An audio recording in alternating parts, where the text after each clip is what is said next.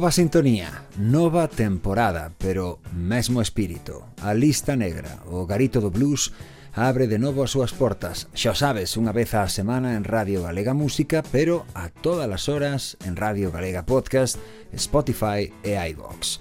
A nosa antoloxía sonora do xénero máis honesto que existe está aínda lonxe da súa culminación. En esta segunda temporada, a lista negra volve cargada de protagonistas ilustres, de bluseiros cuxo legado é inmortal.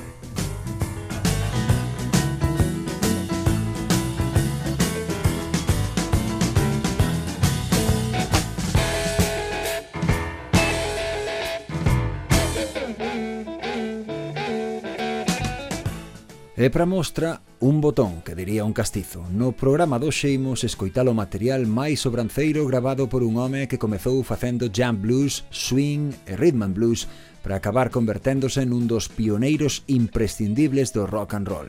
Cunha longa carreira que o mantivo en activo durante nada menos que seis décadas, a lista negra ten a honra de recibir a Big Joe Turner.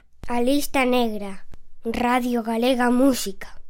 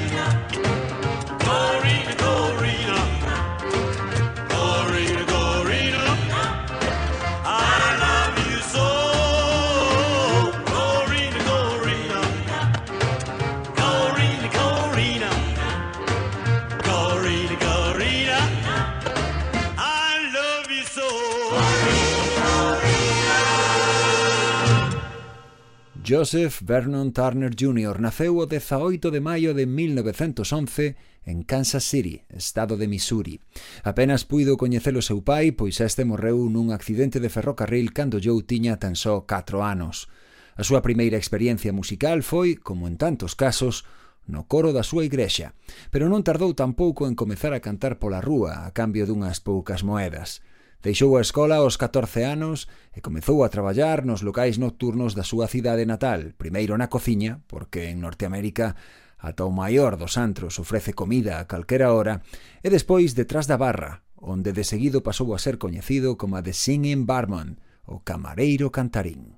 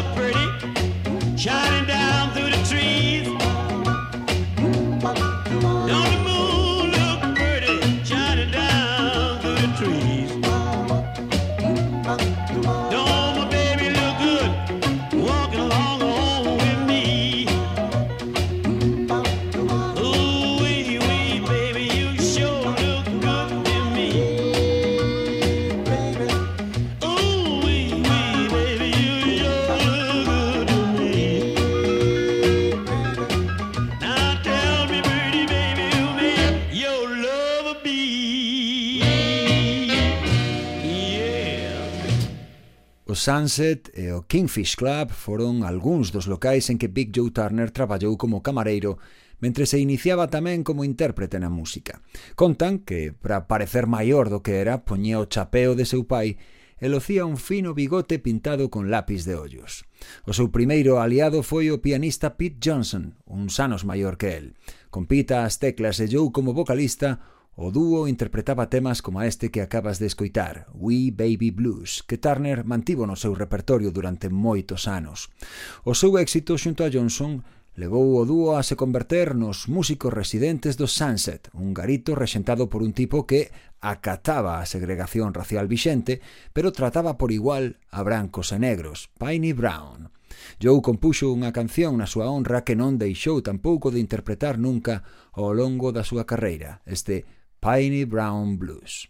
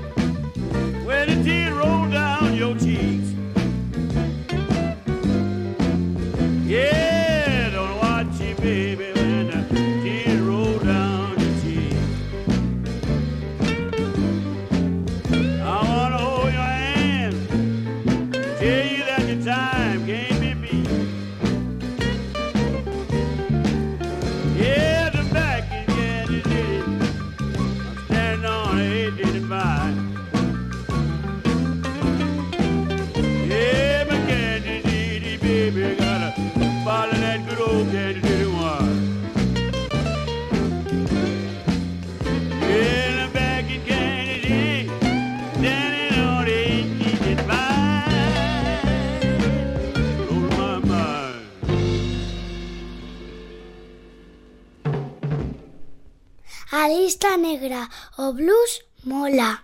Os anos 30 do século pasado foron unha época convulsa nuns Estados Unidos que loitaban por sair da chamada Grande Depresión. As redadas nos clubs nocturnos como os que frecuentaban Big Joe Turner e Pete Johnson estaban á orde do día. Turner visitou máis dunha vez a comisaría, pero, como el mesmo explicou anos despois, apenas entraba e asinaba co seu nome, quedaba libre e saía pola mesma porta para seguir actuando no Sunset ata o mencer. Piney Brown, o dono do local, tiña bons contactos entre os uniformados que o alertaban para que agachase o alcohol e calquera outro material sensible antes da chegada dos axentes. Piney era o rei da noite de Kansas City para alivio dos seus asalariados. Música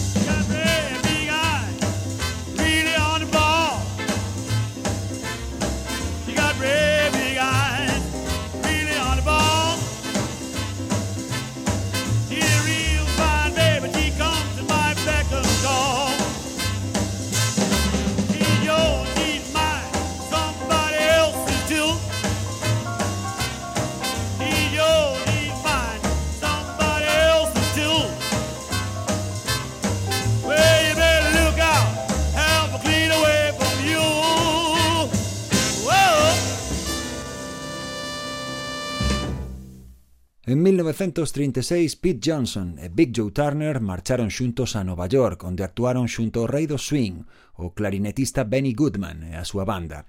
Despois daquela actuación, buscaron traballo en varios locais, pero descubriron que a gran mazá aínda non estaba preparada para eles. De regreso en Kansas City, seguiron traballando como dúo, ata que en 1938 o cazatalentos John Hammond O mesmo que anos máis tarde descubriría a Bob Dylan, Bruce Springsteen ou Aretha Franklin, entre outros moitos artistas, asistiu a un dos seus recitais. Hammond propúxolles tomar parte nun dos seus espectáculos, celebrado no prestixioso Teatro Carnegie Hall e titulado From Spirituals to Swing, foi unha sorte de introducción do jazz e do blues ao público branco da cidade, que lles abriu as portas do éxito a gran escala. Pouco despois editaron un single que se convertiría noutro dos grandes clásicos de Big Joe Turner, este Rollin' Pete.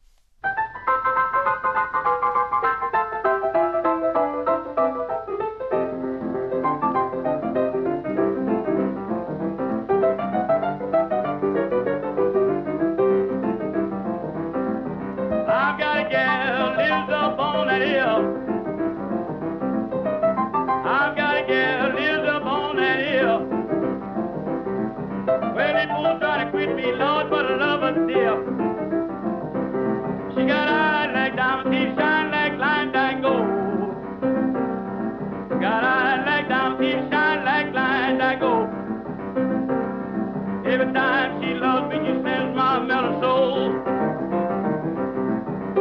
You're so beautiful, but you got to die someday.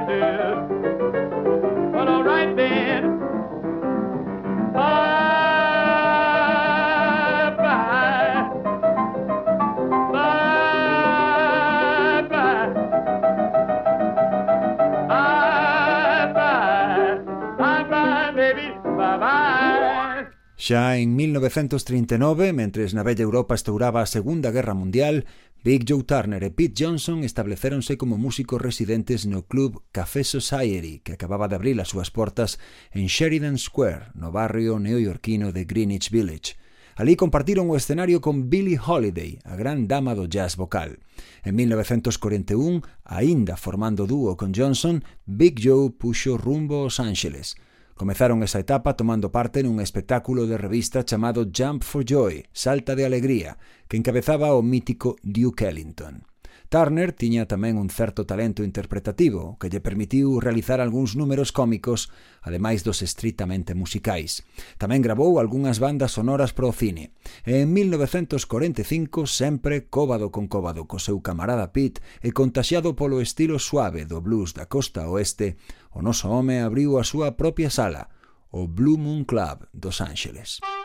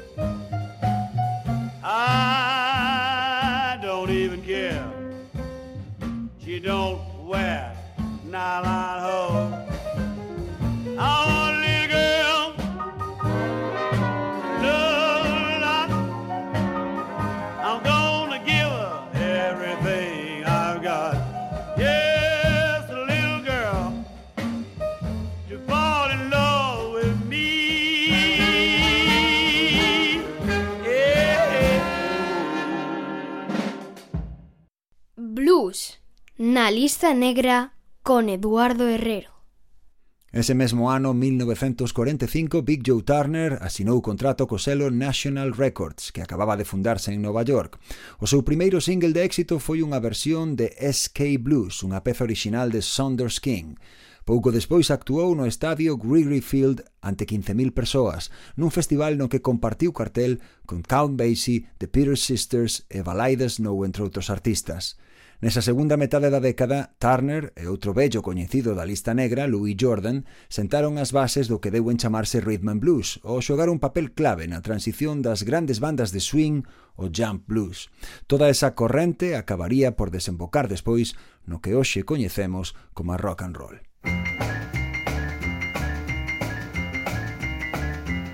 You had an dungaree, red jacket, short If you please, mom, boogie woogie, boogie woogie, boogie woogie, country girl. What I mean, what I mean, mom, boogie woogie, country girl. Now you dig that music with a beat rockin' rollin'. Is the meat, my boogie woogie, boogie woogie, boogie woogie, country girl. What I mean, what I mean, my boogie woogie, country girl. On Saturday night she comes down, played the jukebox and let her hair on down. My boogie woogie boogie woogie boogie woogie country girl. What I mean, what I mean, my boogie woogie country girl. And a roll.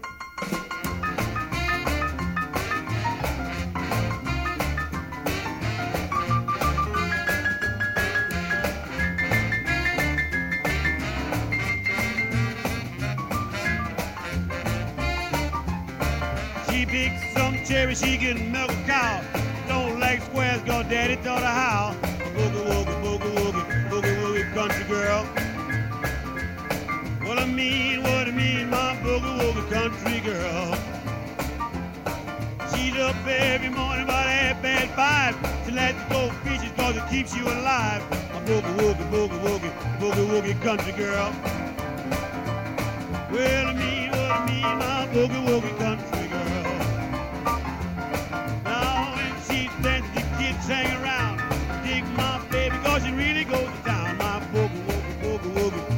boogie country girl. Well, you dig what I mean, my boogie woogie country girl. Yeah, swing band. I like a good rockin' band. Yeah, my knees start to knocking. And I love start to rockin'. Yeah, my boogie, boogie woogie country girl. Early in the muting.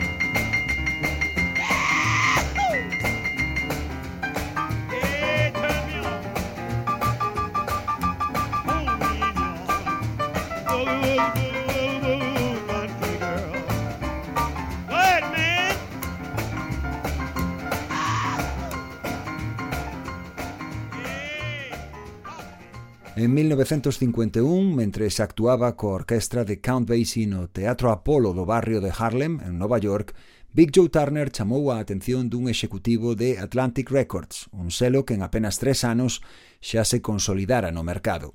Turner grabou varios singles de éxito con esta discográfica, que comezara a despuntar da man da tamén cantante Ruth Brown. Os estándares blues Chains of Love e Sweet 16 foron a carta de presentación de Big Joe en Atlantic, aos que se sumou o tema que acabas de escoitar, Boogie Woogie Country Girl. Nel é especialmente apreciable un dos rasgos máis característicos do cantante, que adoitaba improvisar frases á marxe da propia letra, dirixidas, as máis das veces, aos músicos que o acompañaban. Noutra exhibición de carisma e oficio, este Honey Hush de 1953 Turner emulaba o foraxido máis famoso da radio da época, The Lone Ranger, co seu célebre berro de Hio Silver.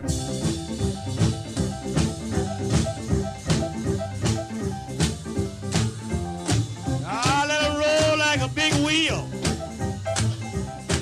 in a Georgia cotton field. Honey, hush. I need coming in house.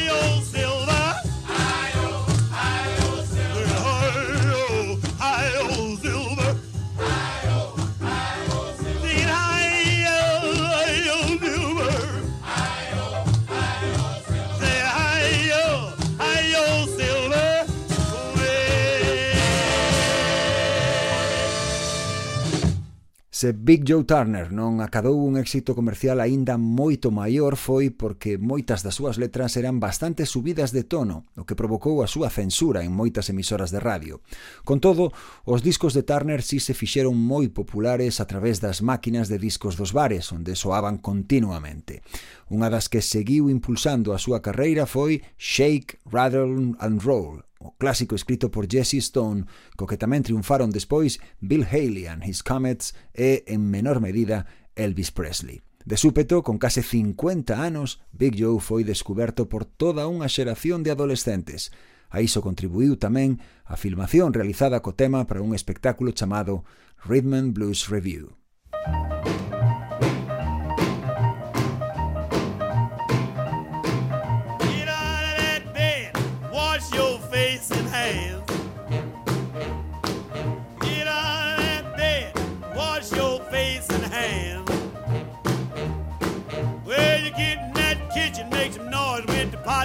Yeah.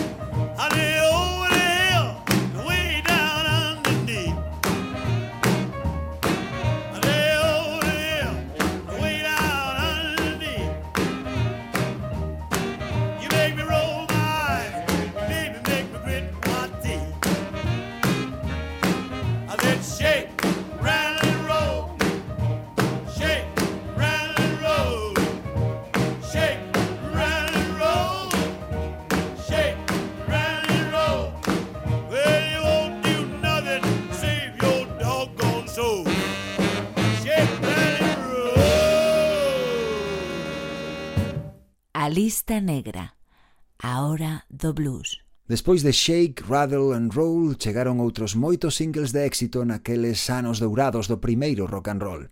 The Chicken and the Hawk, Hide and Seek, Morning, Noon and Night ou Well All Right foron só algúns deles. Big Joe Turner tomou parte tamén na rodaxe da película Shake, Rattle and Rock, protagonizada por Mike Connors e Lisa Gay.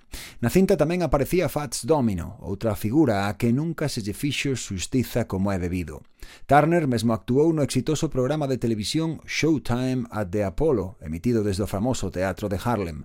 Quizáis a grabación máis interesante daquela época foi este irresistible Flip, Flop and Fly, de 1955. Now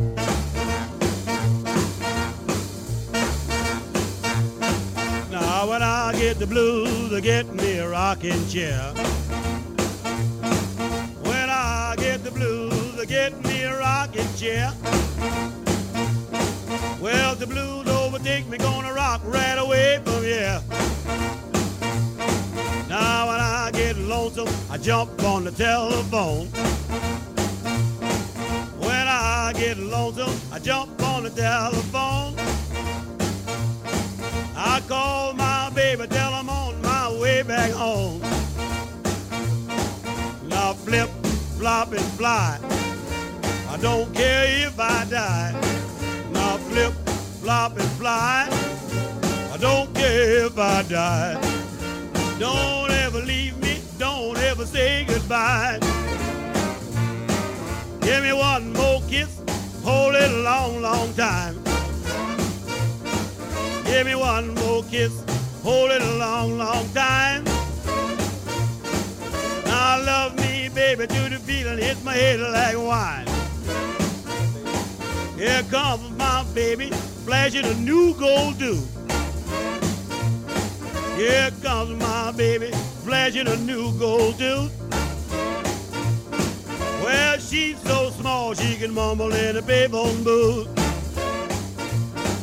Now flip, flop, and fly.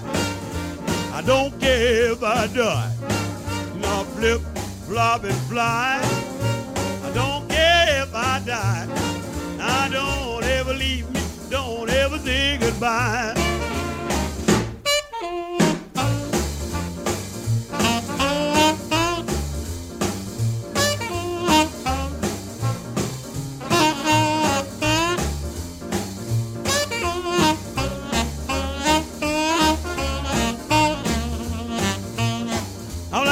Mississippi bulldog sitting on a hollow stump.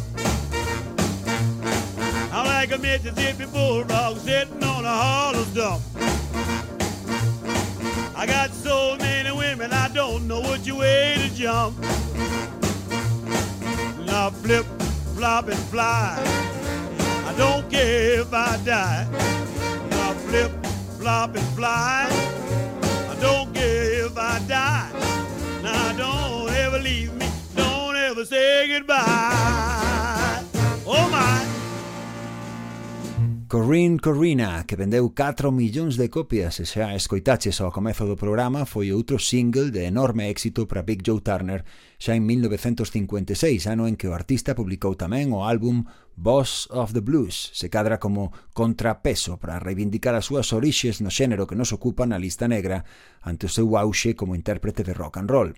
Pero en 1957 Turner marchou de xira por Australia compartindo cartel con Bill Haley and His Comets, Laverne Baker e Freddie Bell and the Bell Boys. Tiña que aproveitar o seu momento, consciente de que libraba unha carreira contra o tempo ante o empuxe de artistas moito máis novos. En maio de 1958 publicou o que sería o seu derradeiro éxito a gran escala, este I'm Gonna Jump for Joy.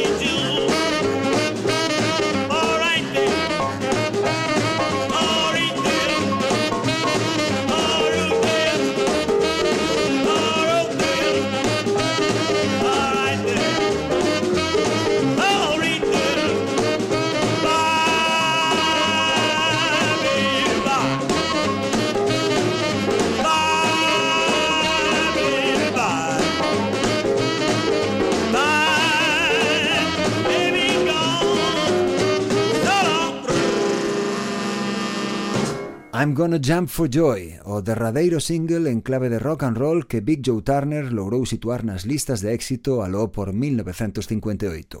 Próximo a cumplir medio século de vida, Turner decidiu daquela regresar ao blues e volver cantar con pequenas bandas de swing e jazz coas que gravaría un bo número de álbumes nas dúas décadas seguintes. En 1965 realizou unha xira polo Reino Unido que foi parcialmente documentada pola BBC. Despois incorporouse, como nos vellos tempos, a Count Basie e a súa orquestra para percorrer outros países europeos. Bill Haley volveu cruzarse no seu camiño unha vez máis, desta volta para lle ceder os seus Comets para unha serie de grabacións pro selo mexicano Orfeón en 1966 e xa en 1969 no seu álbum The Real Boss of the Blues recuperou varios dos seus clásicos, ademais dunha impagable versión rebosante de groove de Careless Love, a peza tradicional da que Joe quedara prendado na súa adolescencia na voz de Bessie Smith.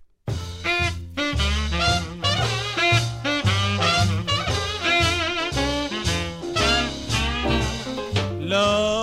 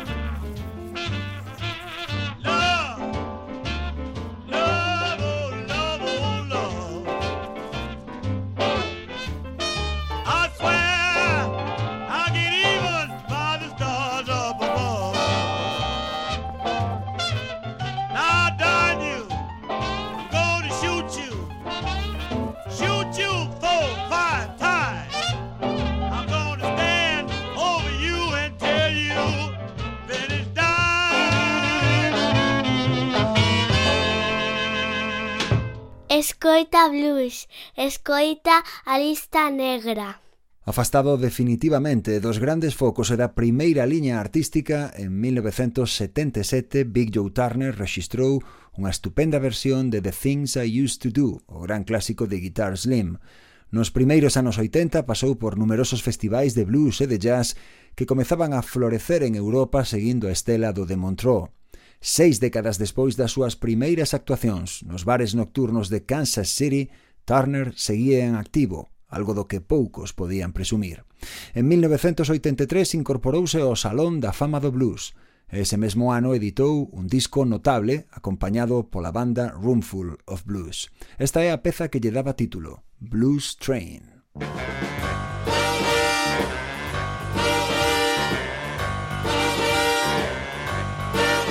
Here comes that old blue train. I'm going back home again. Uptown, southbound, blue train. I can hear that conductor shout. All aboard to the rear. Look out. Uptown, southbound,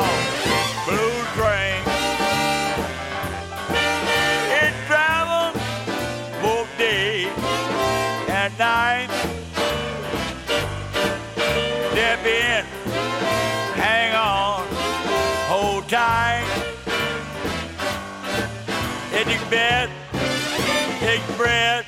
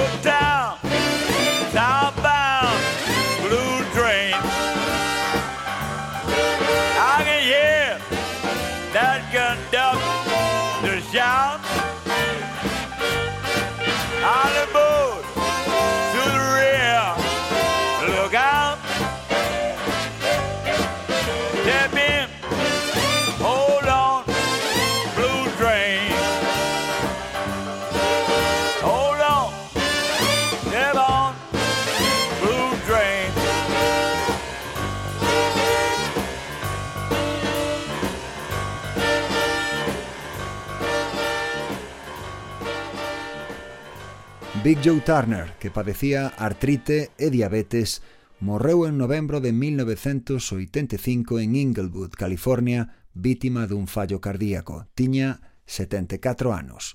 No seu funeral actuaron artistas da talla de Etta James ou Barbara Morrison.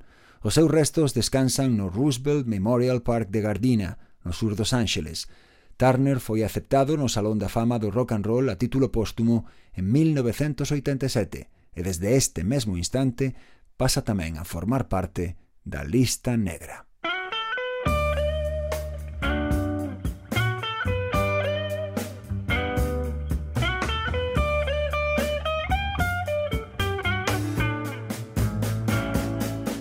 Thing that I used to do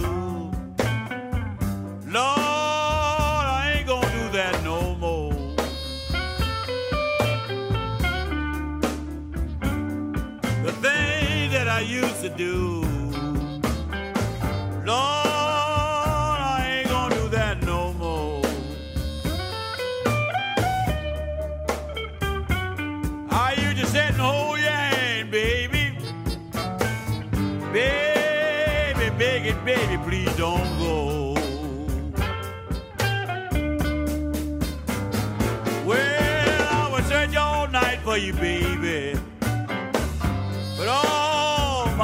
Searching was in vain. I used to search all night for you, baby. But all my searching was in vain.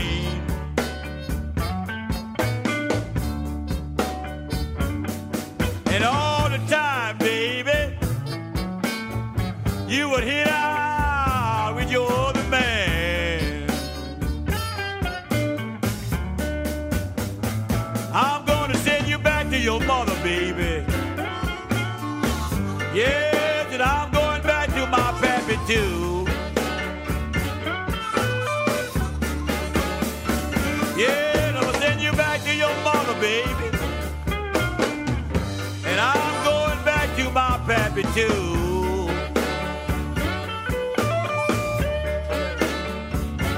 Cause I tried everything, baby. Oh, just to get along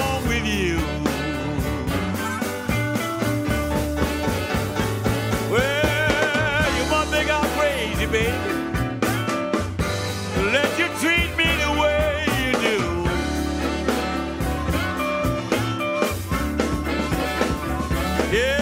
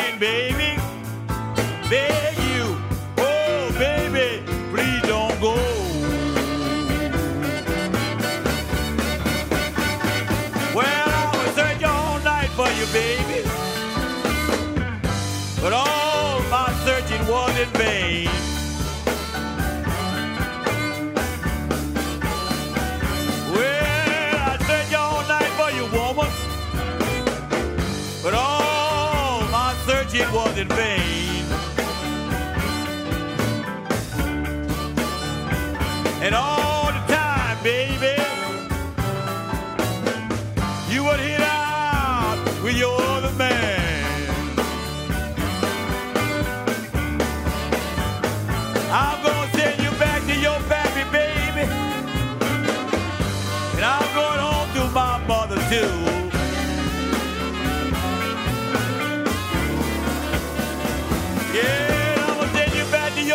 Baby.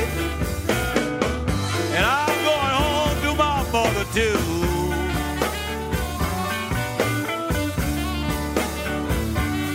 I tried everything I know. Oh, just to get along with you.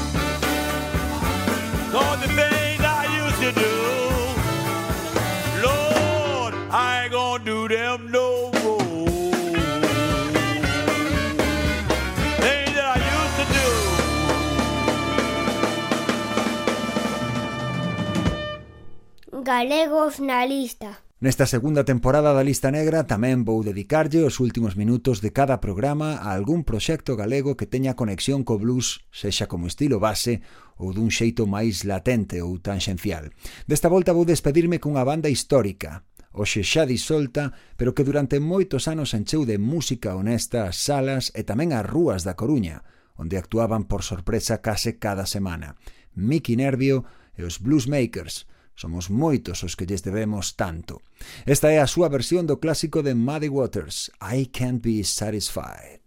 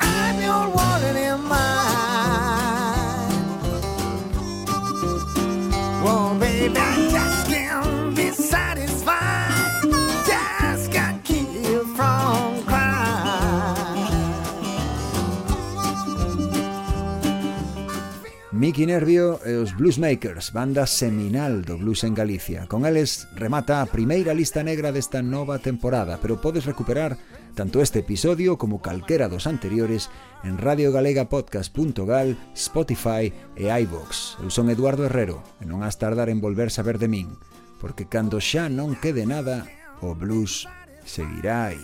Just got from crying.